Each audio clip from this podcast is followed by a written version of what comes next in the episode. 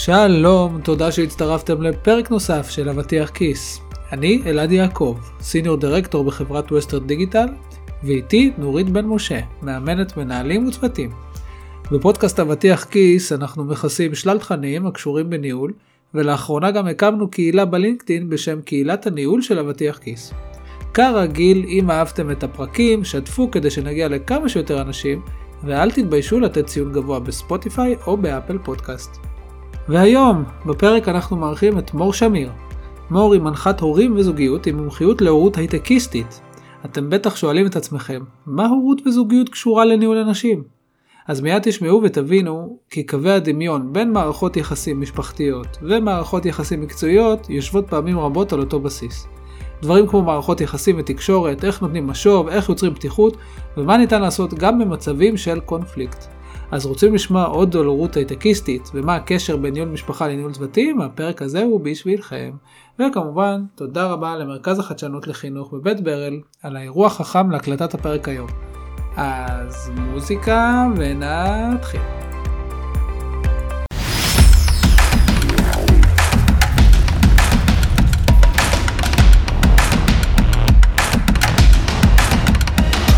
ברוכים הבאים לאבטיח כיס, פודקאסט בנושא ניהול עם נורית בן משה ואלעד יעקב. שלום, בוקר טוב, נורית, מה העניינים? בסדר. אנחנו היום עוד פעם מקליטים במרכז החדשנות בבית ברל. אני חייב להגיד שממש יפה פה, הרבה מדשאות, ירוק בחוץ, אני, אני כן. מת על המקום הזה. לגמרי. כן, עושה ו- טוב בלב. אתם כן. כבר שומעים קול נוסף שיש שומעים לנו. קול נוסף, כי היום יש לנו אורחת, אה, יש לנו אורחת אה, מיוחדת, מור שמיר. שלום, בוקר טוב. מור היא אימא לארבעה ילדים, נכון? כן. בוגרת מכון אדלר, הטכניון, אה, חברת האגודה הישראלית למנחי הורים, מומחית ליחסים ולפסיכולוגיה של הארגונים. היא יועצת זוגית ומשפחתית, אבל היא לא רגילה, כי היא מנחת הורים שצמחה בעולם ההייטק. והיום היא בעצם מומחית להורות הייטקיסטית. אז שלום מור וברוכה הבאה. שלום, רק, רק בשביל כל הפתיחה הזאת היה מה זה שווה. אפשר לסיים פה. כן, זהו. תודה רבה. ואני חייב להגיד נעים. שזה, תודה שבאת. ואני עוד uh, קיצרתי קצת, כי מור עושה עוד הרבה הרבה דברים. Um, אז אולי נתחיל מבאמת מור, איך, איך התגלגלת מעולם ההייטק לעולם שאת מנחת הורים ומייעצת לזוגות, איך, איך הגעת לעולם הזה? אה, קודם כל זה קרה לאט לאט, זה לא קורה אף פעם ביום אחד. וזה כבר מסר שאני רוצה שאנשים אה, ככה יזכרו, שאנחנו מחכים לכאילו מעברים האלה החדים, עכשיו אתה פה, מחר אתה פה, וזה לא עובד ככה, לא בדיאטה, ולא בילדים, ולא ביחסים, ולא בשום דבר. זה קורה לאט לאט, צעדים קטנים. ויש לי על זה סיפור שתכף אני אספר. אבל uh, בסופו של יום פשוט התחלתי uh, להיכנס לעניין המשפחה. Uh, בערך uh, אחרי שלוש שנים שהייתי בהייטק, uh, התחתנתי, בום, ואז אימא שלי הייתה באמת הכי על גג העולם, כי קרו שני דברים שממש שימחו אותה, גם התחתנתי וגם הפכתי להיות אז בזמנו מנהלת פרויקטים. ובעצם אתה בטוח שאתה עכשיו אה, תקום בבוקר. ציוד ציפורים אה, בחלון ופרפרים בשיער, אבל אתה מגלה יותר אה, מהר ממה שנדמה לך, שפתאום זה משכנתה, כמה כיווני אוויר, לך פחות יש אוויר רץ בין בקרים עמוסים לערבים לחוצים, ובדרך יש גם ילדים. אז כשהגיעו הילדים, הבנתי לי פתאום שאני רוצה להבין איך מנהלים את הדבר הזה, כי ראיתי את עצמי, איך אני מנהלת בעבודה, ומה קורה בבית, והבנתי שאני לא יודעת בבית לעשות את הדברים כמו שאני יודעת לעשות אותם בעבודה. הבנתי שאני צריכה ללמוד את זה. אז התחלתי רק ללמוד. זה ממש בא מצורך שלך, שהרגשת שיש איזה. חוסר ש... שאת רוצה ל... לגשר כן, עליו. כן, כן, אני ממש הרגשתי שאני לא יודעת מה, איך לעשות את זה נכון, ושלא יכול להיות שככה מגדלים ילדים. אה, ואז התחלתי ללמוד את זה, וזה באמת לא היה בכלל הכיוון לעשות אה, שינוי. ו... אז אולי תספרי לנו רגע, הקריירה שלך בעולם ההייטק. כן. אולי אה, תספרי לנו קצת אה, על זה, לפני שעברת להורות. אז תראה, אה, התחלתי כמו כולם, כמו הרבה, בתכנות, כי יצאתי בתקופת הבועה, כל מי שידע להאט את המילה מחשב בלי שגיאות הלך לתכנת. אז גם אני. ובעצם התחלתי שם ממש בתכנות כאילו Unix, C, C++, SQL, PLSQL כאלה, ואחרי זה עברתי למשהו כזה יותר light של וובי כזה. ולאט לאט אה, הייתה שם איזה מישהי שהיה לה עין חדה והיא גילתה אותי שאני אוהבת אנשים. שיש לי איזה חיבור טוב עם אנשים, אז כשהיא כאילו הייתה צריכה לגייס איזה מנהל פרויקט לצוות שלה, כי היא גדלה, היא אמרה לי, את קמה עכשיו, את עוברת אליי. וככה באמת התגלגלתי לעולם הניהול פרויקטים ולעבוד יותר עם אנשים. אה, ושם גם באה ההתפתחות המשפחתית שלי שהתחילה ככה לאט לאט. אז בסופו של יום, אם נסתכל על קריירת ההייטק שלי, עשיתי באמת הרבה תפקידים, הייתי גם אחרי זה מנהלת מוצר, והתעסקתי בכלים ותהליכים. ואפילו הקמתי סטארט-אפ פעם, אה, עבור מישהו שבעצם היה לו הרבה כסף ומצא רעיון ורצה מישהו שירים לו את הדבר הזה. בסופו של יום, גם עם אהבה לאנשים, אם אתה אה, מתחיל להיות יותר מומחה ליחסים ולומד כלים שיכולים לעזור לך להגיע ל, לאנשים ולהניע אותם ממקום טוב, ממקום של מוטיבציה פנימית, כי אגב, כל בני האדם נולדו, כל מי ששייך למשפחת בני האנוש, נולד עם מוטיבציה פנימית. נולד עם מוטיבציה להצליח ולעזור ולהשתתף ולשתף פעולה. אבל לפעמים, נגיד שאנחנו מסתכלים על ילדים, הרבה הורים באים אליי ואומרים לי, אין לו מוטיבציה. ואני רוצה להגיד להם, לא אין מוטיבציה, אלא הוא נולד עם המוטיבציה, כרגע היא מוחבאת מתחת להמון שכבות של אה, או אה, בונקריות כי הוא חטף מלא על הראש, ולמה, או שיש ממנו ציפיות מאוד גבוהות, או פשוט יש לו כבר ממש מוטיבציה שלילית. להפסיק לעשות את כל הדברים, כדי שלפחות לא ייתנו לו על הראש, כאילו אם הוא לא לומד, הוא פוטנציאל לא ממומש, זה גם בסדר. את יודעת, מקודם אמרת שהכניסה שלך לעולם הזה של הורות ושל מערכות יחסים התחילה כי הרגשת שבין העבודה לבין הבית שם דברים לא, לא הולכים אותו דבר. בראייה ככה של שנים, מה דומה בין וואו. מערכות יחסים, את יודעת, המשפחתיות לבין מה שקורה בארגון? אז קודם כל, נורית, את שאלת את שאלת השאלות. שאלת באמת, מיליון הדולר. מיליון הדולר. ואני חייבת להגיד שיש המון דומה, המון דומה ברמה הזאת שהרבה יצא לי לעבוד עם כל מיני אה, מנהלים בכל מיני דרגו, דרגים שהגיעו נגיד אה, גם לקליניקה להדרכת הורים, והם היו יושבים, שומעים את הכלים. אה, אני זוכרת איזה אחד שהוא היה סמנכ"ל בסטארט-אפ, שהוא אמר לי, אני לא מבין. אני את כל הדברים שאנחנו לומדים פה, לעשות בבית, אני עושה כבר עם העובדים שלי. אז למה אני לא עושה אותם עם הילדים שלי? ואז uh, אמרתי לו, באמת למה? אז הוא אומר לי, אני יודע למה. העובדים שלי לא מדברים אליי כמו שהילדים שלי מדברים אליי. אז שאלתי אותו, ואתה מדבר אל העובדים שלך כמו שאתה מדבר אל הילדים שלך? זאת אומרת, בעצם נקודות ההשקה הן רבות, זה גם במקום של uh, להניע. כמו שאני נגיד הייתי מנהלת מטריציונית, הייתי צריכה להניע עובדים. uh, שהיו צבועים תחת הפרויקט שלי, שהם לא היו תחתיי בטייטלים, אה, למשימות שלא בא להם לעשות לפעמים, בזמנים שלא תמיד נוחים להם, שזה בדיוק כמו בבית.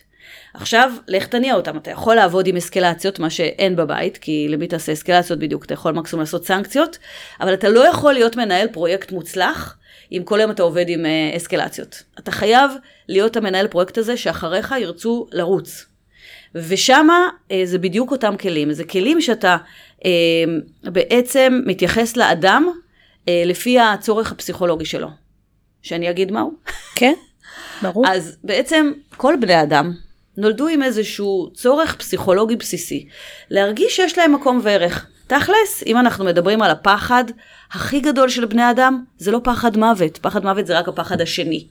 הפחד הכי גדול של בני אדם זה הפחד מאובדן ערך, או בשמו השני, הפחד מכישלון. זאת אומרת, בתכלס, על פניו כל בני אדם היו יכולים להגיע לכל מקום, להגשים כל חלום, אם לא היה עומד בדרכם הדבר הקטנצ'יק הזה, שזה הפחד מאובדן ערך, הפחד מכישלון.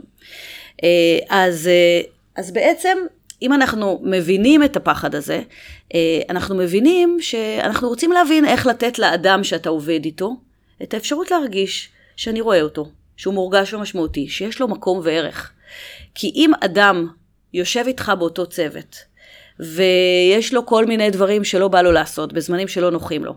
אבל הוא מרגיש שהוא חלק מהצוות הזה, ואתה מספר לו, משתף אותו בבעיות שיש לך עם הלקוח, בייחודיות של הלקוח. אתה משתף אותו בחשיבות של הפרויקט. אה, אני זוכרת ש... פעם אה, ניהלתי פרויקט אה, שהיה אמור אה, בסופו של יום להגיע לפרנס טלקום, חברה גדולה ומכובדת. באותו שלב France Telecom הייתה במין סטטוס כזה שהיא לא רצתה יותר לעבוד עם החברה שעבדתי בה, אני לא אזכיר שמות. ממש עשו להם כנראה הרבה מאוד... פאולים. בדיוק, הרבה מאוד מקומות כאלה שהם כבר השתכנעו ממש שאיתנו הם לא עובדים. והם נכנסו, הכניסו אותם בעל כורחם לפרויקט הזה איתנו, כי היה להם איזשהו מקשר, Capgemini היה אינטגרטור מאוד גדול, שהוא החליט שהוא לוקח אותנו. ובעצם המשימה שלי הייתה להסביר להם שאפשר לעבוד איתנו. עכשיו, זה היה פרויקט מאוד מורכב עם המון המון אה, קבוצות אה, שונות ומשונות של פיתוח ובדיקות וכאלה. והדבר הראשון ש, שאני זוכרת שעשינו שמה, זה בעצם אה, להושיב את כולם ולהסביר להם מה חשיבות הפרויקט לחברה. עכשיו, כשאתה משתף בדבר כזה, אנשים באים והם רוצים כבר להתגייס, הם אומרים, אם שיתפו אותי, כנראה שאני בן אדם חשוב. אם התייעצו איתי, מה אתם אומרים שהדברים שאנחנו יכולים לעשות מהלכים ראשונים, זה אומר שכנראה יש לי עצות טובות. אם ביקשו ממני עזרה, אני כנראה, יש לי מקום וערך. ואת אותו דבר אפשר לעשות גם עם ילדים. ואותו דבר אפשר לעשות גם עם בני זוג. כמה פעמים הבני זוג שלכם לא שותפים בכלל לדברים שעברתם במשך היום. ואם הם רק היו מבינים מה עבר עליכם, יכול להיות שהם היו פחות כועסים על זה שעכשיו אתם לא עוזרים להם בלא יודעת מה או ב... אז, אז זה למשל אחד הקשרים, אני יכולה להמשיך. כן, אני, ד, דקה אני רוצה רגע לאסוף כמה דברים, כי אני ככה שומעת שאני חושבת שהם רלוונטיים. אחד, דיברת על, על השאלה של מערכת היחסים מהמקום של בעצם כוח וסמכות מול, מול uh, הרבה יותר שכנוע והשפעה. כן, זאת אומרת, הייתי קוראת לזה מרות מול סמכות. שאני חושבת שזה אחת השאלות שמעסיקה הרבה מנהלים היום. נכון. דווקא בגלל שזזנו מאוד מהמודל הסמכותי, או הוא לפחות הוא, הוא לא היחיד שקיים, ובטח בארגונים מסוימים הוא הרבה פחות קיים, אז מה שאת אומרת, ברגע שאתה נכנס למודול הזה של החשיבה, אתה לא רוצה כל הזמן לה, להביא את הסמכות שלך, בסדר? ותתחיל לשים לב איך אתה מתייחס ואיך אתה תופס את האנשים שאתה מנהל, שזה דבר ראשון שמשפיע. והדבר השני שאת מדברת עליו זה התקשורת. זאת ברגע שאתה מייצר תקשורת פתוחה, אתה מגיע למקום, ומושג שהוא גם מאוד חזק, זה האליימנט. ואנחנו מדברים על זה, איך אנחנו מייצרים את המחוברות. להסביר בעצם. את הוואי, כן. אני יכולה להגיד שאפילו אה, פעם שעשיתי סדנה לרופאים, רופאי משפחה במאוחדת, והם אה, סיפרו לי, הם היו רופאים צרפתים, והם אמרו שבתרבות הצרפתית, אה, זה נורא ברור שאתה נכנס, הרי יש להם את הנשיקות האלה בכל צעד, וזה נורא ברור שאתה נכנס אה, נגיד למקום מסוים, אתה ישר אומר שלום ובוקר טוב ונשיקות וזה. וכאילו הם הגיעו לישראל, וזה היה הדבר שחסר להם. ואמרתי להם שזה בדיוק מה שהם צריכים לעשות פה. הם צריכים לקחת את הטבע שלהם ולהביא אותם לפה, כי אם כל מנהל, בכל מקום, היה נכנס והיה אומר, בוקר טוב, היה מתייחס לאנשים שם. היה חושב שאחת ממשימותיו, ובעיקר היום אגב בעבודה היברידית, שאתה לא פוגש את האנשים ממש כל יום, שאחת ממשימותיו זה להבין מי זה כל אדם שנמצא אצלו בצוות שהוא מנהל אותו. מה הסטטוס המשפחתי שלו, מה עובר עליו, אה, מה הדברים שקשים לו, מה הדברים שקלים לו. אז זה היה הופך להיות מין צוות שהוא חצי משפחה. אה, ואז עבור, זה כמו בצבא שיש חיילים שאומרים, אחרי המפקד הזה אני רץ באש ובמים.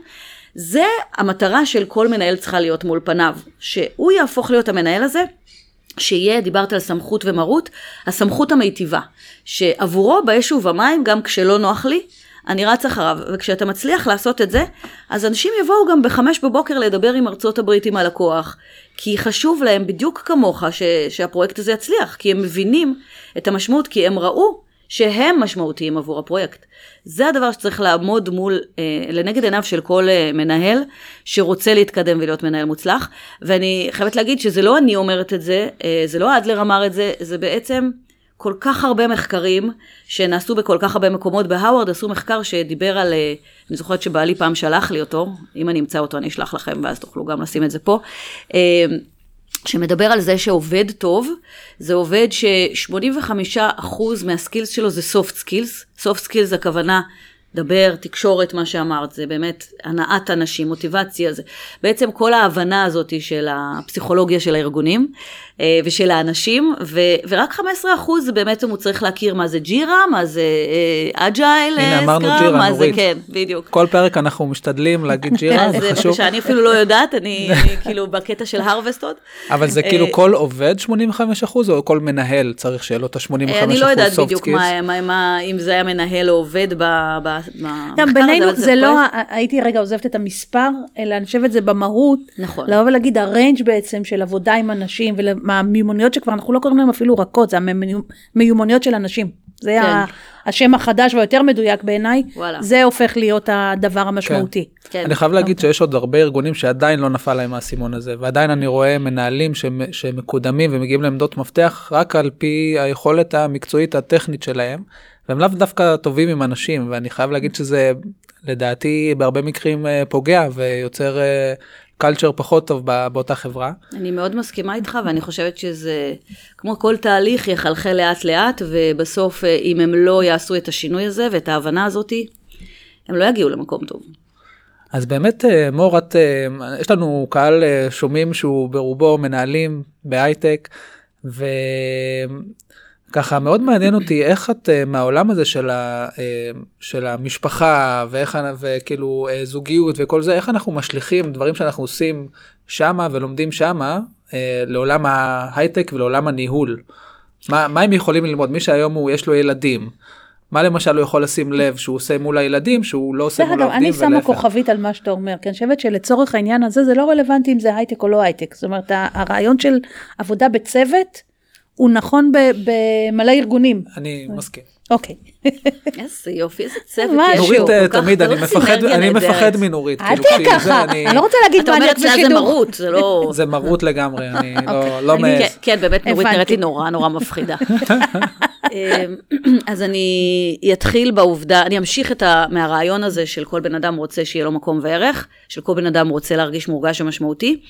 אה, אז אם אני לומדת למשל, שגם במשפחה הילדים שלי הם צוות, הם חברי הצוות שלי, אני אה, ראש הצוות, זאת אומרת, לי יש איזשהו אה, יעד, מתווה, ערכים, אה, אני בסך הכל נמצאת פה קצת יותר עם קילומטראז' בעולם הזה, אז אני ההורה, אני מנהל הצוות. עכשיו, אני לא חייבת לבוא ולנפנף להם את זה ביד, אני מנהל הצוות, אני אחליט עליך כמו ש...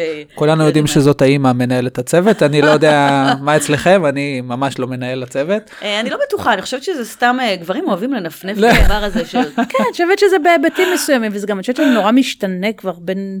כן, נראה לי שגם בעלי אוהב להגיד את זה, ובוא, זה בין השורות, אה, הוא יודע לכוון יפה מאוד. אבל בסדר, אנחנו נדבר אחרי זה על זה באופליין. אז, אה, אז אחד הדברים שאנחנו יכולים לעשות כמנהלי הצוות של הצוות הזה, זה להבין שלמשל אם אני עכשיו מחליטה על כללים בבית, ויש לי כללים שחשבתי אותם מראש, כי יש נגיד דברים שחורקים ולא עובדים לי. למשל, נגיד ניקח את הנושא הזה שבאמת אצלכם בבית בטוח הוא לא בעייתי, אבל אצלי ואצל השכנה כן, מסכים. ש... לגמרי. כן, ש, שהילדים נמצאים הרבה במסך. ואני רוצה אה, לח, לקבוע איזשהו כלל, למשל, אם יש לי ילדים מתבגרים, אז אני לא אגיד להם בין אה, שלוש לארבע אתם פותחים את המסך, כי זה תלוי גם באיזה גיל הילדים וכו', אלא נגיד אני אגיד, תקשיבו, בשבע אני רוצה שהמסך ייסגר.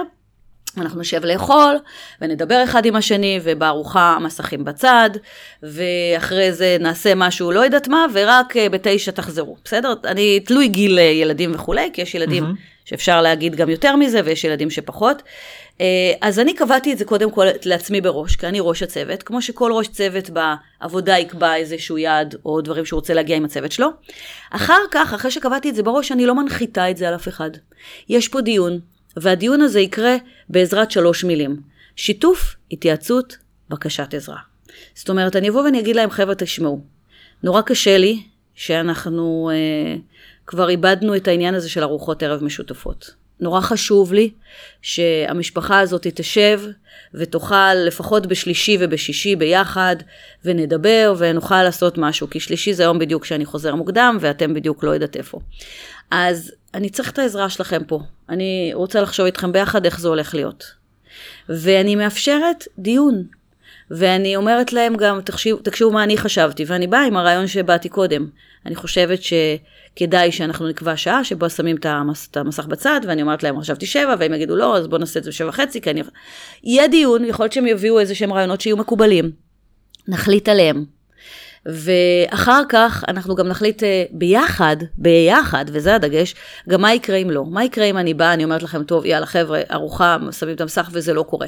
הם מחליטים על עצמם מה יקרה אם לא, אנחנו קובעים משהו שהוא קשור, שהוא הגיוני, שהוא מכבד, שהוא לא משהו שבא דווקא להכאיב, כמו בארכיון שהיינו שם בעניין של עונשים, אלא משהו יותר שהוא קשור, החלטנו ביחד. סגרנו את העניין הזה, מתחיל יום חדש, יגיע הרגע, ברגע ההוא אני גם אגיד להם, תקשיבו, אני יודעת שקשה לסגור, וואי, אני לא יודעת שקשה לסגור, מה, אם אני עכשיו צריכה אה, ללכת לאנשהו ואני באמצע סרט מתח, לא קשה לי לסגור? קשה לי. אז שאני אהיה שם במקום הזה גם האמפתי, ותקשיבו, יש לכם בחירה, בלי חפירות, כאילו בחירה, מה החלטנו? מה יקרה אם לא, שהחלטנו גם. זה מבעוד מועד, אני כבר לא שוטר, אני פשוט באה ושמה את הדברים האלה על שולחן. אז את אותו האינטראקציה הזאת שמייצרת הסכמים בבית, אני יכולה לקחת גם אה, ולהסתכל שגם במקום של העבודה זה נכון, יש ראש צוות, הוא צריך לקבוע יעד, הוא צריך לשבת עם הצוות שלו, לאפשר להם להרגיש כולם שהם חלק מהשיתוף, חלק מההתייעצות, הם עוזרים, הוא צריך להחליט, אה, לא יודעת מה, על תוואי של עבודה שהוא, שהוא עושה בצוות, הוא צריך להחליט מה קורה אם לא מספיקים, אז אולי צריך לבוא ביום שישי גם, זאת אומרת זה מה יקרה אם לא הזה.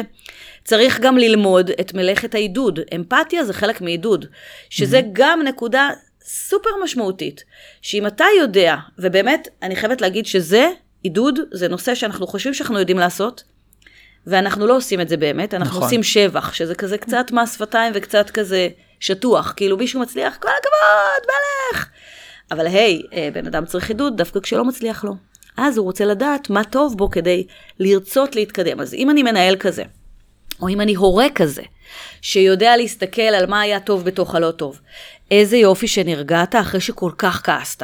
בוא נדבר עכשיו. כמובן שאני גם צריכה להירגע לפני זה. אותו דבר אם אני עובד שרוצה להבין שגם בתוך הלא טוב, מה בכל זאת עשיתי? זאת אומרת, נגיד, לא יודעת מה, היה איזה באג רציני שהפיל את המערכת אחרי שעלינו ללייב, סבבה? ואני עכשיו יושב שם ולוקח את האשמה. אם יבוא המנהל ויגיד, תקשיב, אני רואה שאתה מתאמץ, אני יודע שהייתה לך את כל הכוונה, זה קורה. זאת אומרת, אני אהיה שם במקום הזה כן. של אני ואתה ביחד. ולהראות לו את האמפתיה, שאני מבין את הכאב, זה כואב. נכון, כאילו... בדיוק, זה. ויש לי על זה גם סיפור, זה אולי אני אספר את הסיפור הקודם, כבר שכחנו, אבל אני יכולה לחזור עליו כי אני זוכרת אותו. אמ, שאחד ה, אחד הזוגות שאני עובדת איתם כבר דווקא די הרבה שנים, כי הם הגיעו למסקנה שאחרי שאתה עושה קוביות בבטן, אתה צריך גם להמשיך את המנוי במכון כושר כדי לשמור עליהם, אז הם עשו איזשהו תהליך שינוי איתי בקליניקה, ועכשיו הם באמת כבר הרבה שנים איתי ממשיכים. אה, והם שני מנהלים בכירים במייקרוסופט, בחו"ל. והוא סיפר לי שיום אחד, יום אחד, לא יום אחד, עבר איזשהו תפקיד, הוא כבר הרבה שנים שמה, ויש לו כבר את הביטחון, והוא מבין מה הוא עושה וכמה הוא שווה. והוא אומר, אני, תקשיבי, אני אמצא מול איזה מנהל חדש, אני אמצא בתפקיד הזה, ווואלכ, אני נכנס לשיחת חתך בתחושה קשה, כי באמת אין לי מושג מה הוא חושב עליי, ואני מרגיש שאני לא מביא את התוצאות. עכשיו אני נכנס עם הזנב בין הרגליים, ואז הוא אומר לי, שלום, תשמע, איזה עבודה עשית פה, איך אנחנו מרוצים, מהזה. עכשיו, אני בשוק, נופלת לי הלסת, ציפיתי למשהו אחר לגמרי. הוא רואה אותי ככה עם הפרצוף, הוא אומר לי, מה קרה? אז אני אומר לו, תקשיב, הייתי, סליחה, הייתי בטוח שאני הולך לחטוף על הראש, הייתי בטוח שאתם לא מבסוטים. אז המנהל שלו אומר לו, למה חשבת את זה? הוא אומר לו, כי לא שמעתי ממך מילה טובה. לא שמעתי ממך שום פידבק על הדברים שעשיתי. אז המנהל שלו אומר לו, תגיד, מה, אתה ילד קטן? אתה צריך כל הזמן מילים טובות, שיגידו לך זה? אז הוא אמר לו, אתה יודע מה? כן, מהיום תסתכל עליי ותראה ילד קטן. מנהל אמריקאי. כן. ילד קטן שצריך שיגידו לו, איזה יופי שעשית ככה, ואם גם לא הצליח לי, אז יגידו לו, תשמע, זה וזה וזה עשית נכון, ופה בוא נראה איך אנחנו לומדים מזה. זאת אומרת, זה קיים אצלנו כי אנחנו שייכים למשפחת בני האנוש. ועכשיו השאלה, האם אני אעשה את זה בבית, והאם אני אעשה את זה בעבודה, וזה מה שישאיר אותי ויהפוך אותי להיות הדבר, המנהל הנכון והטוב. אגב, את הדבר הזה אני, גם יצא לי ללמד בסדנאות בצבא.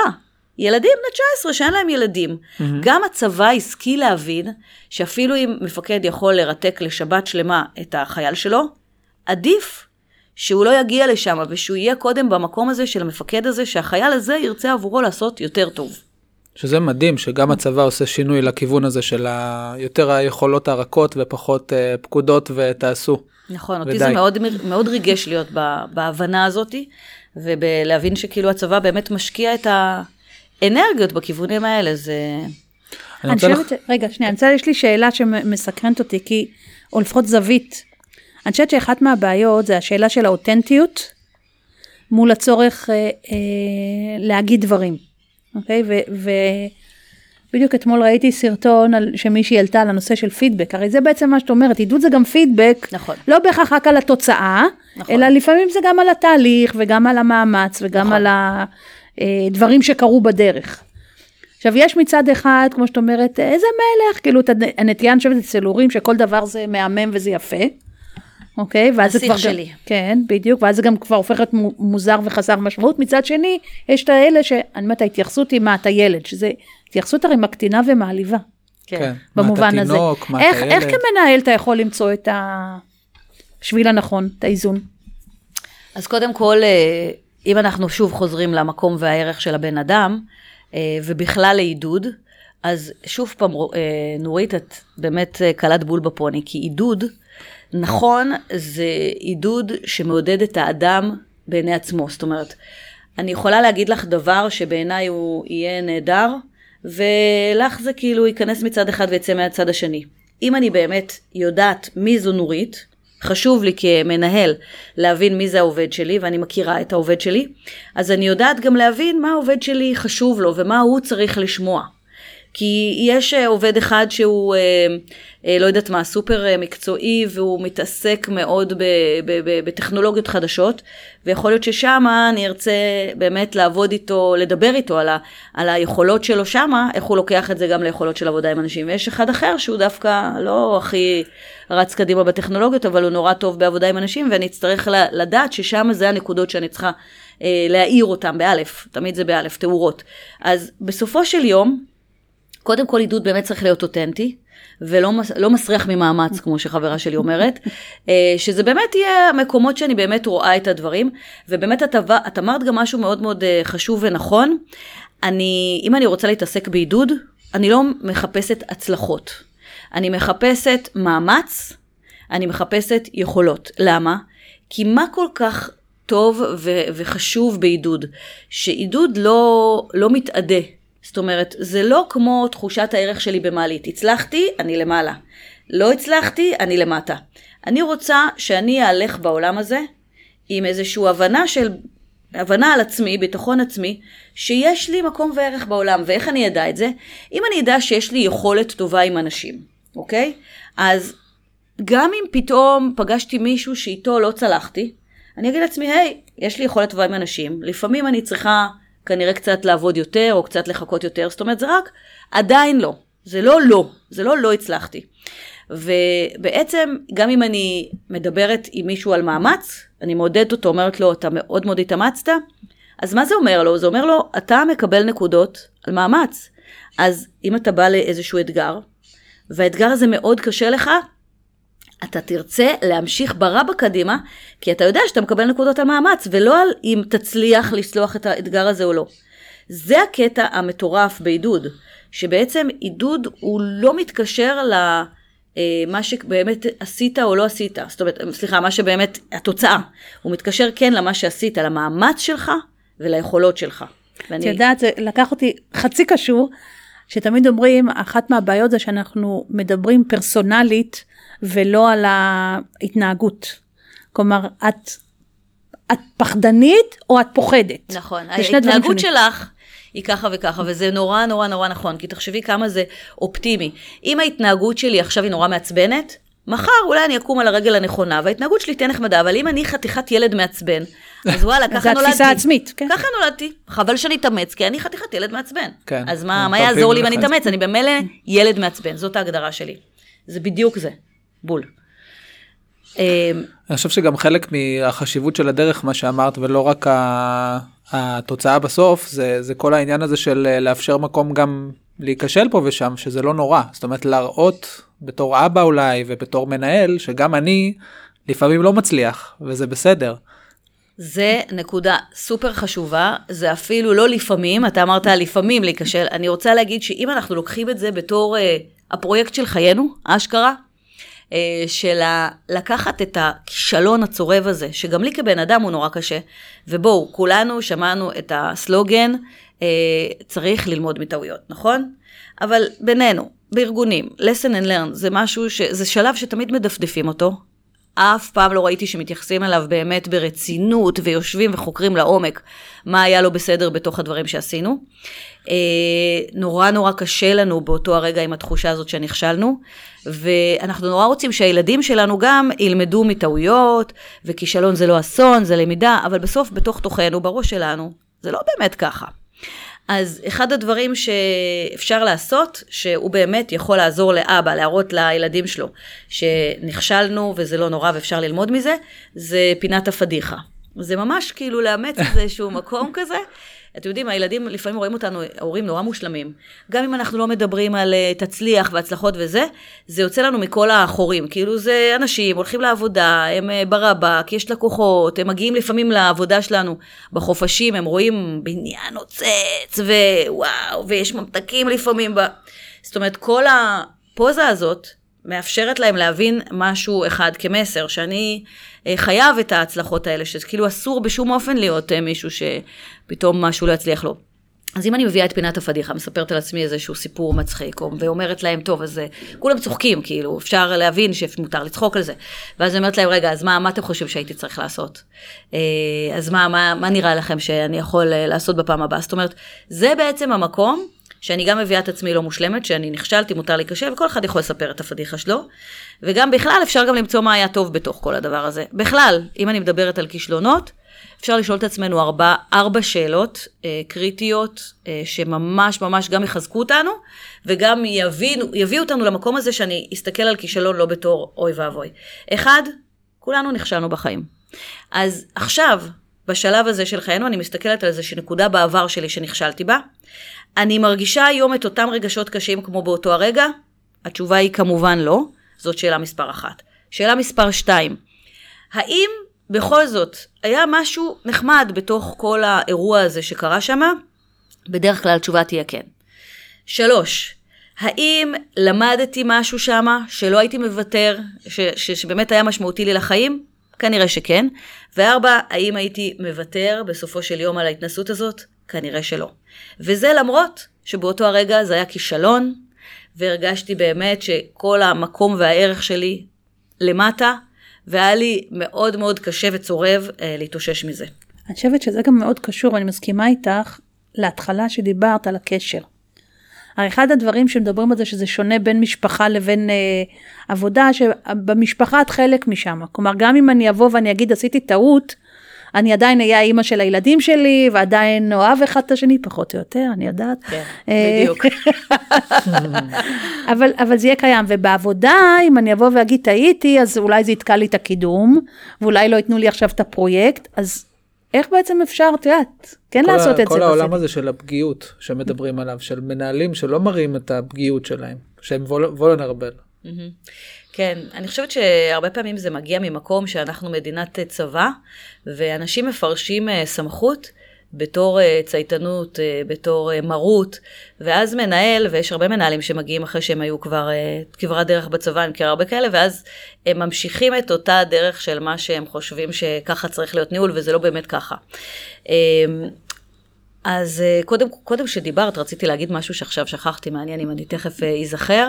לפני העניין של הפגיעות, דיברת על עוד משהו בהתחלה. על הקשר בעצם שיש במשפחה שיקבלו אותי. אה, נכון.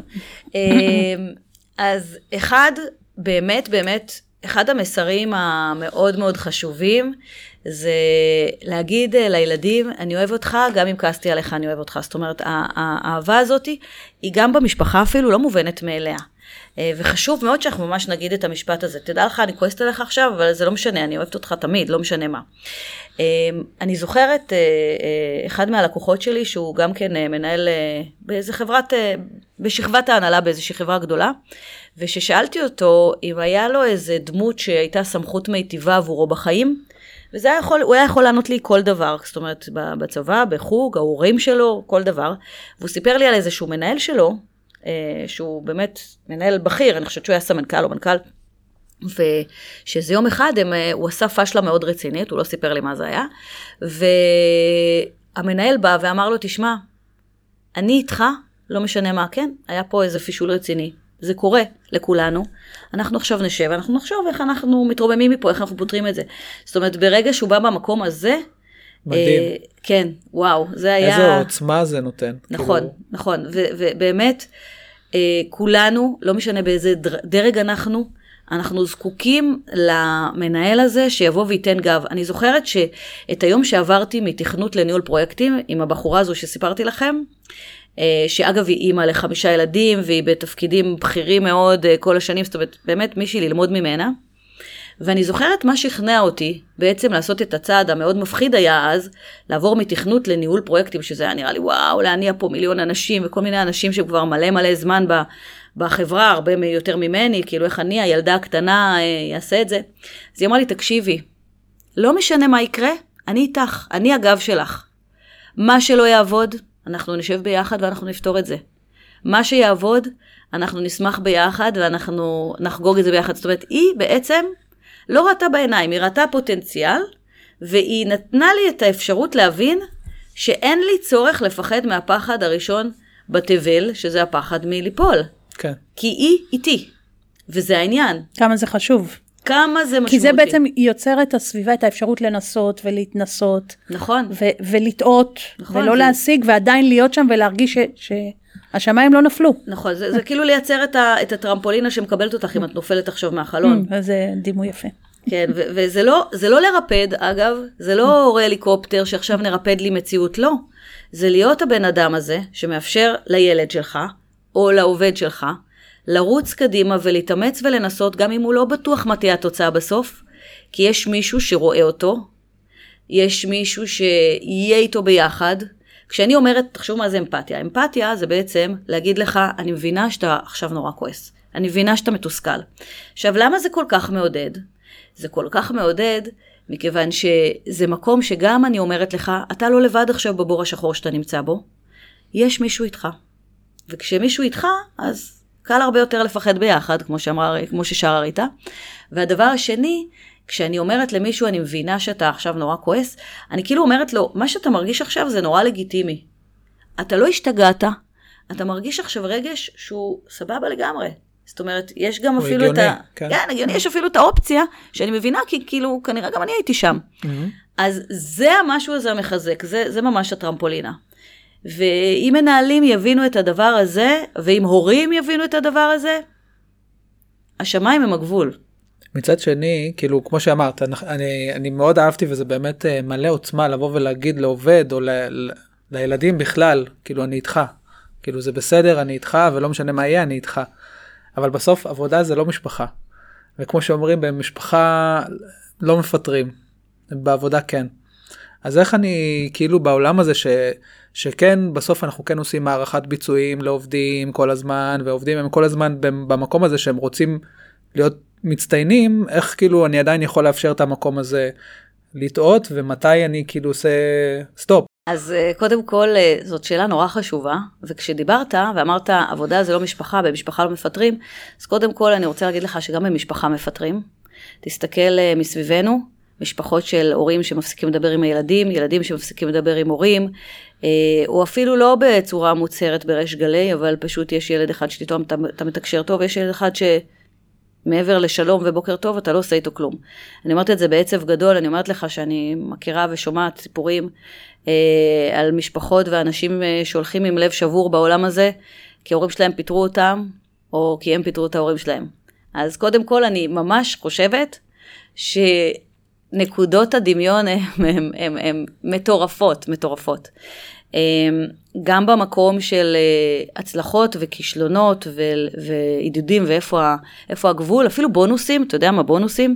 הרי בעבודה אתה כאילו מסתכל ואתה אומר, רגע, אם בן אדם הצליח, הוא מקבל אה, בונוס, אז הוא רוצה לקבל את הבונוס הכספי הזה, אז זה לא רק אה, תתאמץ, תתאמץ, סבבה?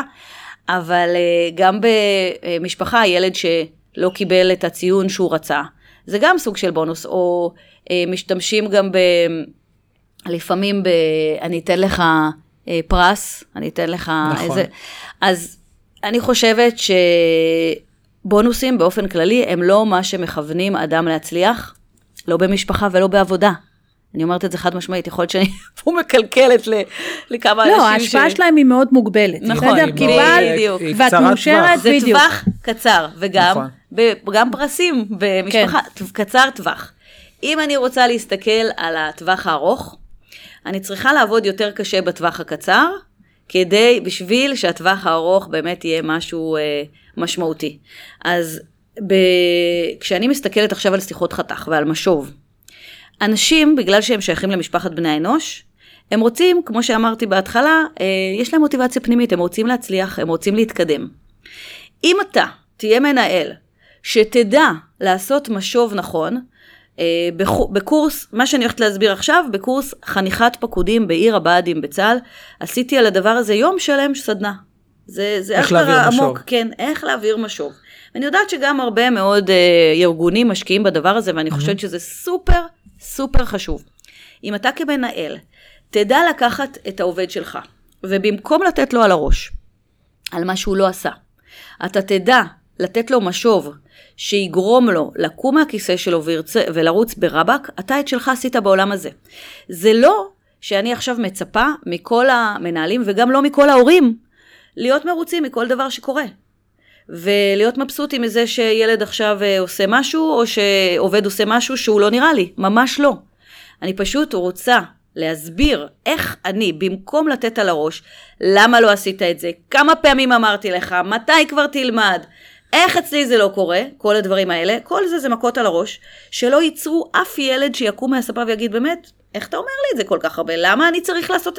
אני קם, אני עושה גם פאנל עם חלונות, זה לא יקרה. אותו דבר גם המנהל. אם אתה תדע, תהיה מנהל שנותן על הראש, אתה לא תביא את העובדים שלך להתקדם קדימה, אתה תביא את העובדים שלך לחפש עבודה במקום אחר. מסכים. אבל- אז אתה צריך לעשות משהו אחר. מה? זאת השאלה שאתה רוצה לשאול? מה אני רוצה לעשות, כן, כן, מה אני צריך לעשות? אז קודם כל, אה, אם, אם נגיד את זה ככה בתמציתיות, כל מנהל טוב יודע שצריך להתחיל במשהו טוב, נכון? נכון. אה, קודם כל, שהוא עושה את השיחת חתך. המשהו הטוב הזה חייב להיות עידוד, ולא שבח. עידוד זה, תשמע, אני יודעת שיש לך יכולת מטורפת אה, להניע פה אנשים. ראיתי, ודוגמה ספציפית, ראיתי שאתמול, כשעשית את זה ואת זה, או שלשום, אז ראיתי אותך יושב. זאת אומרת, אני נותנת דוגמה ספציפית, ואני מדברת על יכולת. אחר כך, אני, על הדברים שאני לא אוהבת, מדברת מתוך הראייה של עצמי. מה זה משוב? משוב זה להשיב לאדם השני את השפעת המעשה שלו עליי, או על החברה. אז בעצם אם אני יודעת לתאר את זה מתוך העיניים שלי, זה כבר יעשה את העבודה. לפני עוד שנשב ונחשוב איך אנחנו מתקדמים ומה אנחנו מגדירים, אז בעצם אני אגיד לו, תשמע, במקום הזה של ה... לא יודעת מה, של הפרויקט הזה שעשית, אני, הייתה לי תחושה שאנחנו נאבדים, שאנחנו לא באמת אה, מרוכזים, שאנחנו לא באמת, זאת אומרת, אני אף פעם לא אדבר באתה, אני אדבר באנחנו, או שאני אדבר בכאילו זה נפל לי על הראש, אותו דבר כמו עם ילדים. תשמע, אתמול בערב, שהיה את כל הבכיות והצעקות, כל אחד יודע מי עשה את הבכיות והצעקות, אני רק לא צריכה להנחית לו את זה על הראש. אני צריכה לדבר בשפה שבן אדם יודע שהוא לא מותקף עכשיו, שהוא מסוגל להקשיב.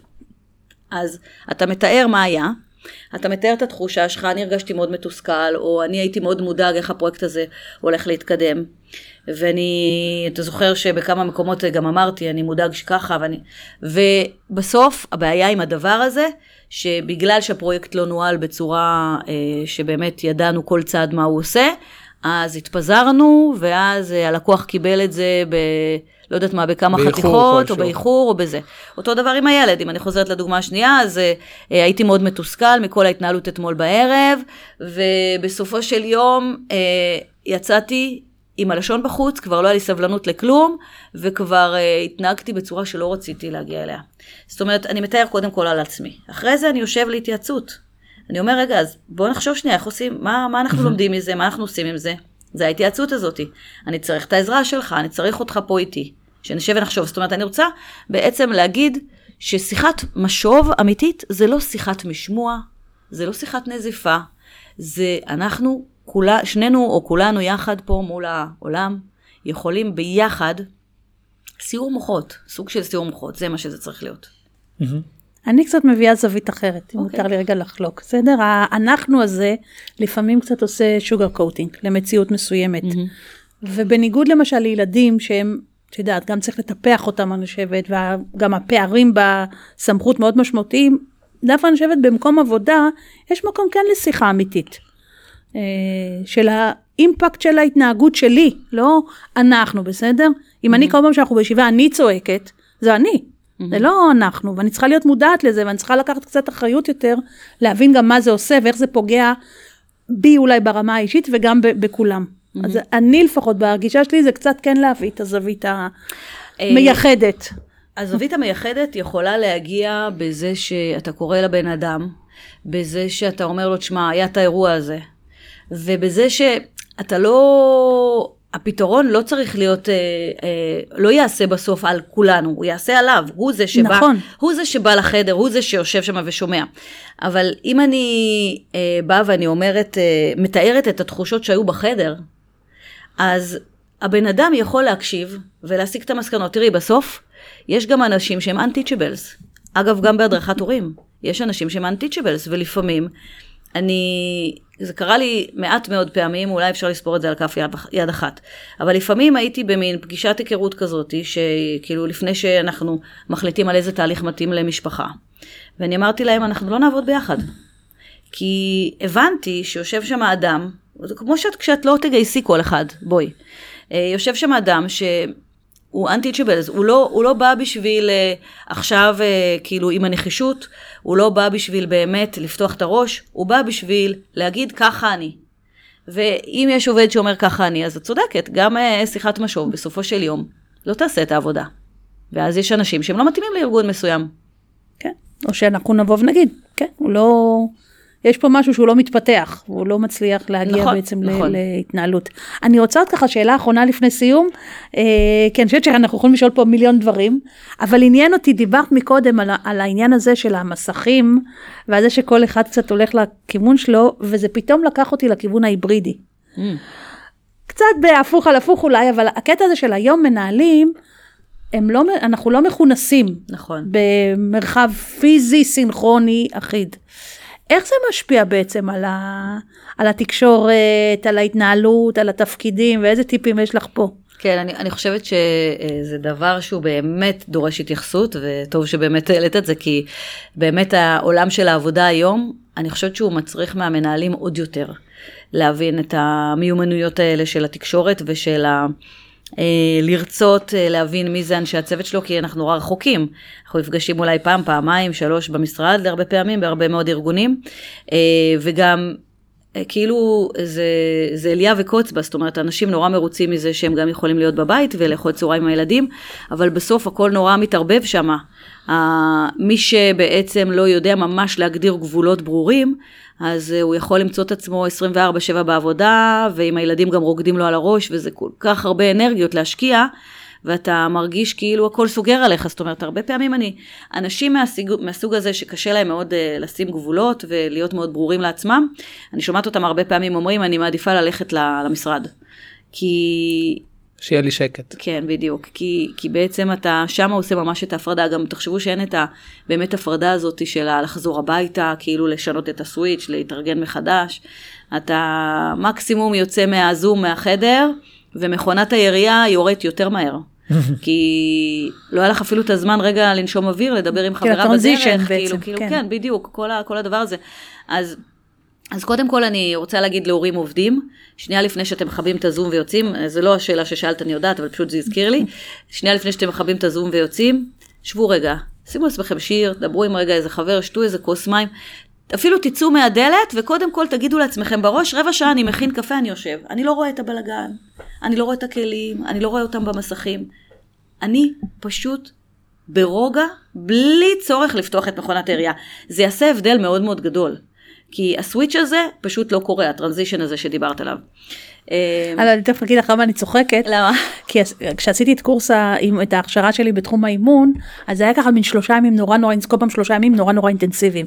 ואתה יוצא אחרי שדיברת על הגשמה ועל ערכים וזה, ורבע שעה אחרי זה את עומדת ואת עושה חביתה במטבח, ואת אומרת, what the fuck, מה זה קשור בכלל?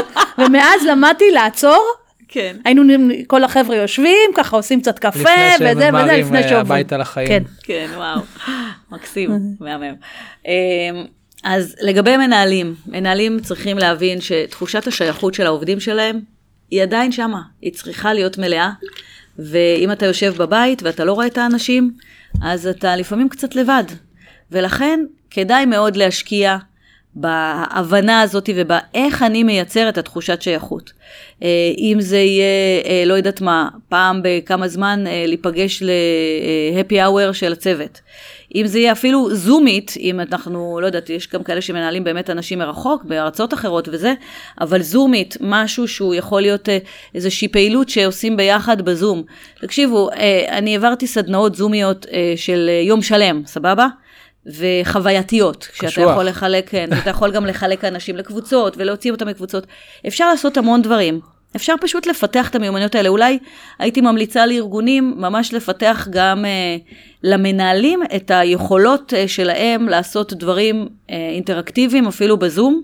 בעיקר אם זה באמת בחברות כאלה שממש היברידיות או שעובדות מרחוק, כי בן אדם יכול להיות בחוויה מאוד מאוד אה, משמעותית, גם כשהוא עושה את זה דרך המחשב, כל עוד אתה שמת את הדגש על זה, ואני חייבת לה, לה, להגיד שבצבא עשיתי בתקופת הקורונה, שהם ממש אה, נגד, כאילו כל תקופת הקורונה עשיתי שם סדנאות פרונטליות, וכשהתחיל איזשהו סגר ממש עצבני, אז uh, הם הבינו שהם לא יכולים לעשות את הסדנה אפילו לא בצבא בפרונטלי, ועשינו אותה פעם ראשונה בזום, והם נורא נורא חששו איך זה יהיה וזה.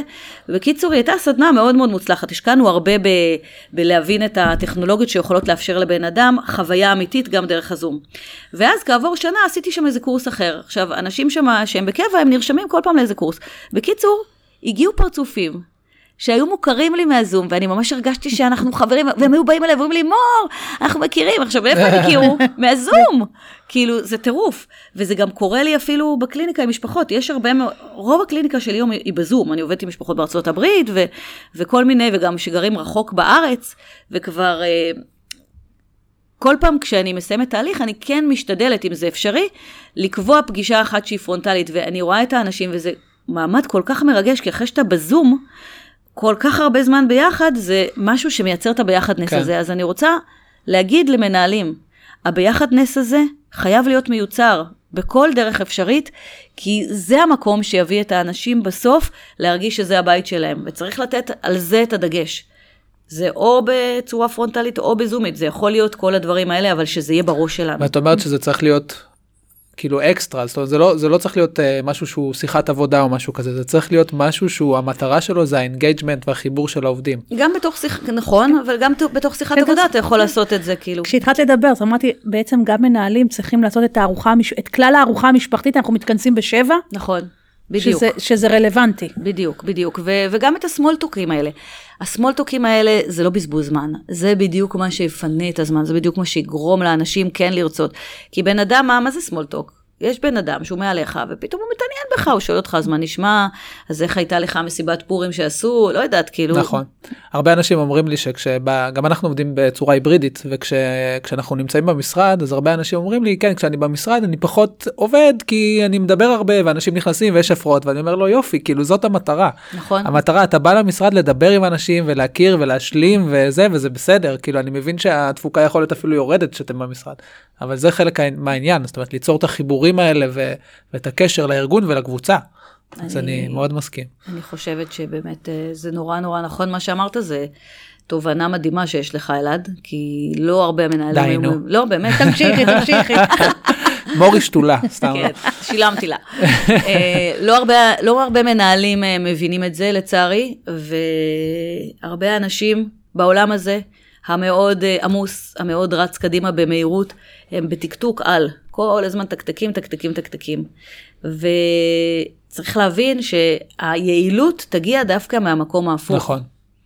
נכון. מהמקום הזה שבן אדם כל כך ירצה ויראה בנו משפחה. אני עבדתי, אחד הארגונים שעבדתי בו, שהוא באמת פס מהעולם, זה ארגון שהתרבות הארגונית הייתה היא ממש כזאתי, וכשאני מדברת היום עם אנשים שכבר כולם נפוצו לכל עבר, כולם בסוף תמיד. מתגעגעים לתקופה הזו. מדהים. כן. מדהים. אז אני רוצה לסיים ככה אולי בוואן ליינר, יש לי שאלה כאילו למור. את מומחית בהורות הייטקיסטית, ככה אולי במשפט אחד. איך את רואה הורות הייטקיסטית שונה מהורות רגילה? למה הורות הי- במשפט הייטקיסטית? אחד. בשתיים. אה, אני חושבת שהייטק זה מקום שרץ מהר. ועובדי הייטק, אם אנחנו נהיה רגע אה, בקטגוריזציה, שאני מאוד לא מעוניינת אה, אף פעם שנכניס אה, אנשים למשבצות, אבל יש איזושהי מהות מסוימת של הרבה מאוד אנשים שעובדים בהייטק, שזה אנשים שמאוד מאוד עם ציפיות גבוהות, והישגיות, ורצון להתקדם קדימה ולהצליח. והם מתעסקים בבאגים, אז הם גם יודעים ממש טוב לחפש את הבאגים.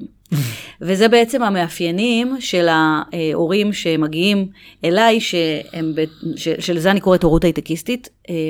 בנוסף, זה אנשים שהם הם לא אוהבים קלישאות ולהתחיל עכשיו לדבר כל מיני דברים גבוהים, הם צריכים פרקטיקה, הם צריכים תכלסיות, הם צריכים להבין מה אני עושה מחר בבוקר עם הילד הזה. אני, כאילו, אם אתה רוצה להגיד, אם אתה רוצה שאני אגיד במשפט אחד, אז במשפט אחד, ההורות הייטקיסטית, המומחיות הזאת של ההנחיית הורים להורות הייטקיסטית, זה בעצם להיות ה Google Translate בין העולם הזה, הטיפולי, הרך, העגול, המכיל, התקשורת מקרבת, לבין העולם הפרקטי, התכלסי. מה שבעצם אני יודעת אולי לתת לאנשים, ואני חושבת שהורות הייטקיסטית, אנשים כאלה הם מאוד צריכים, זה את ה... גם את הכלים האלה, הפרקטיים, שהם יבינו איך הם מחר בבוקר עובדים עם הילד, שישענו כמובן על ידע ועל איזשהו תהליך שאני עושה איתם, שמבין אותם אולי לפעמים לשנות. כן, עם אסוציאציות לעולם ה... כן, לשנות, כאילו, התהליך עצמו זה המקום שבו אתה בא ואתה פתאום מבין על עצמך דברים, נופלים, מה זה נופל לי אסימון? שאתה מבין על עצמך מין כל מיני דברים של מה מניע אותך ומה מביא אותך לפינות האלה, ואיך אתה יכול לא ליפול שם בבורות האלה, לעקוף את הבור. מדהים. אוקיי, תודה רבה מור, היה ממש תודה כיף. תודה שהיית. יואו, תודה לכם, נהניתי מאוד. גם אנחנו. וכל מי שמעוניין ליצור קשר עם מור מוזמן, כמובן יש לנו אה, לינק לאתר שלה בגוף הפרק. אה, וזהו, נתראה בפרק הבא. יאללה, מחכה ומצפה. יאללה ביי. ביי ביי.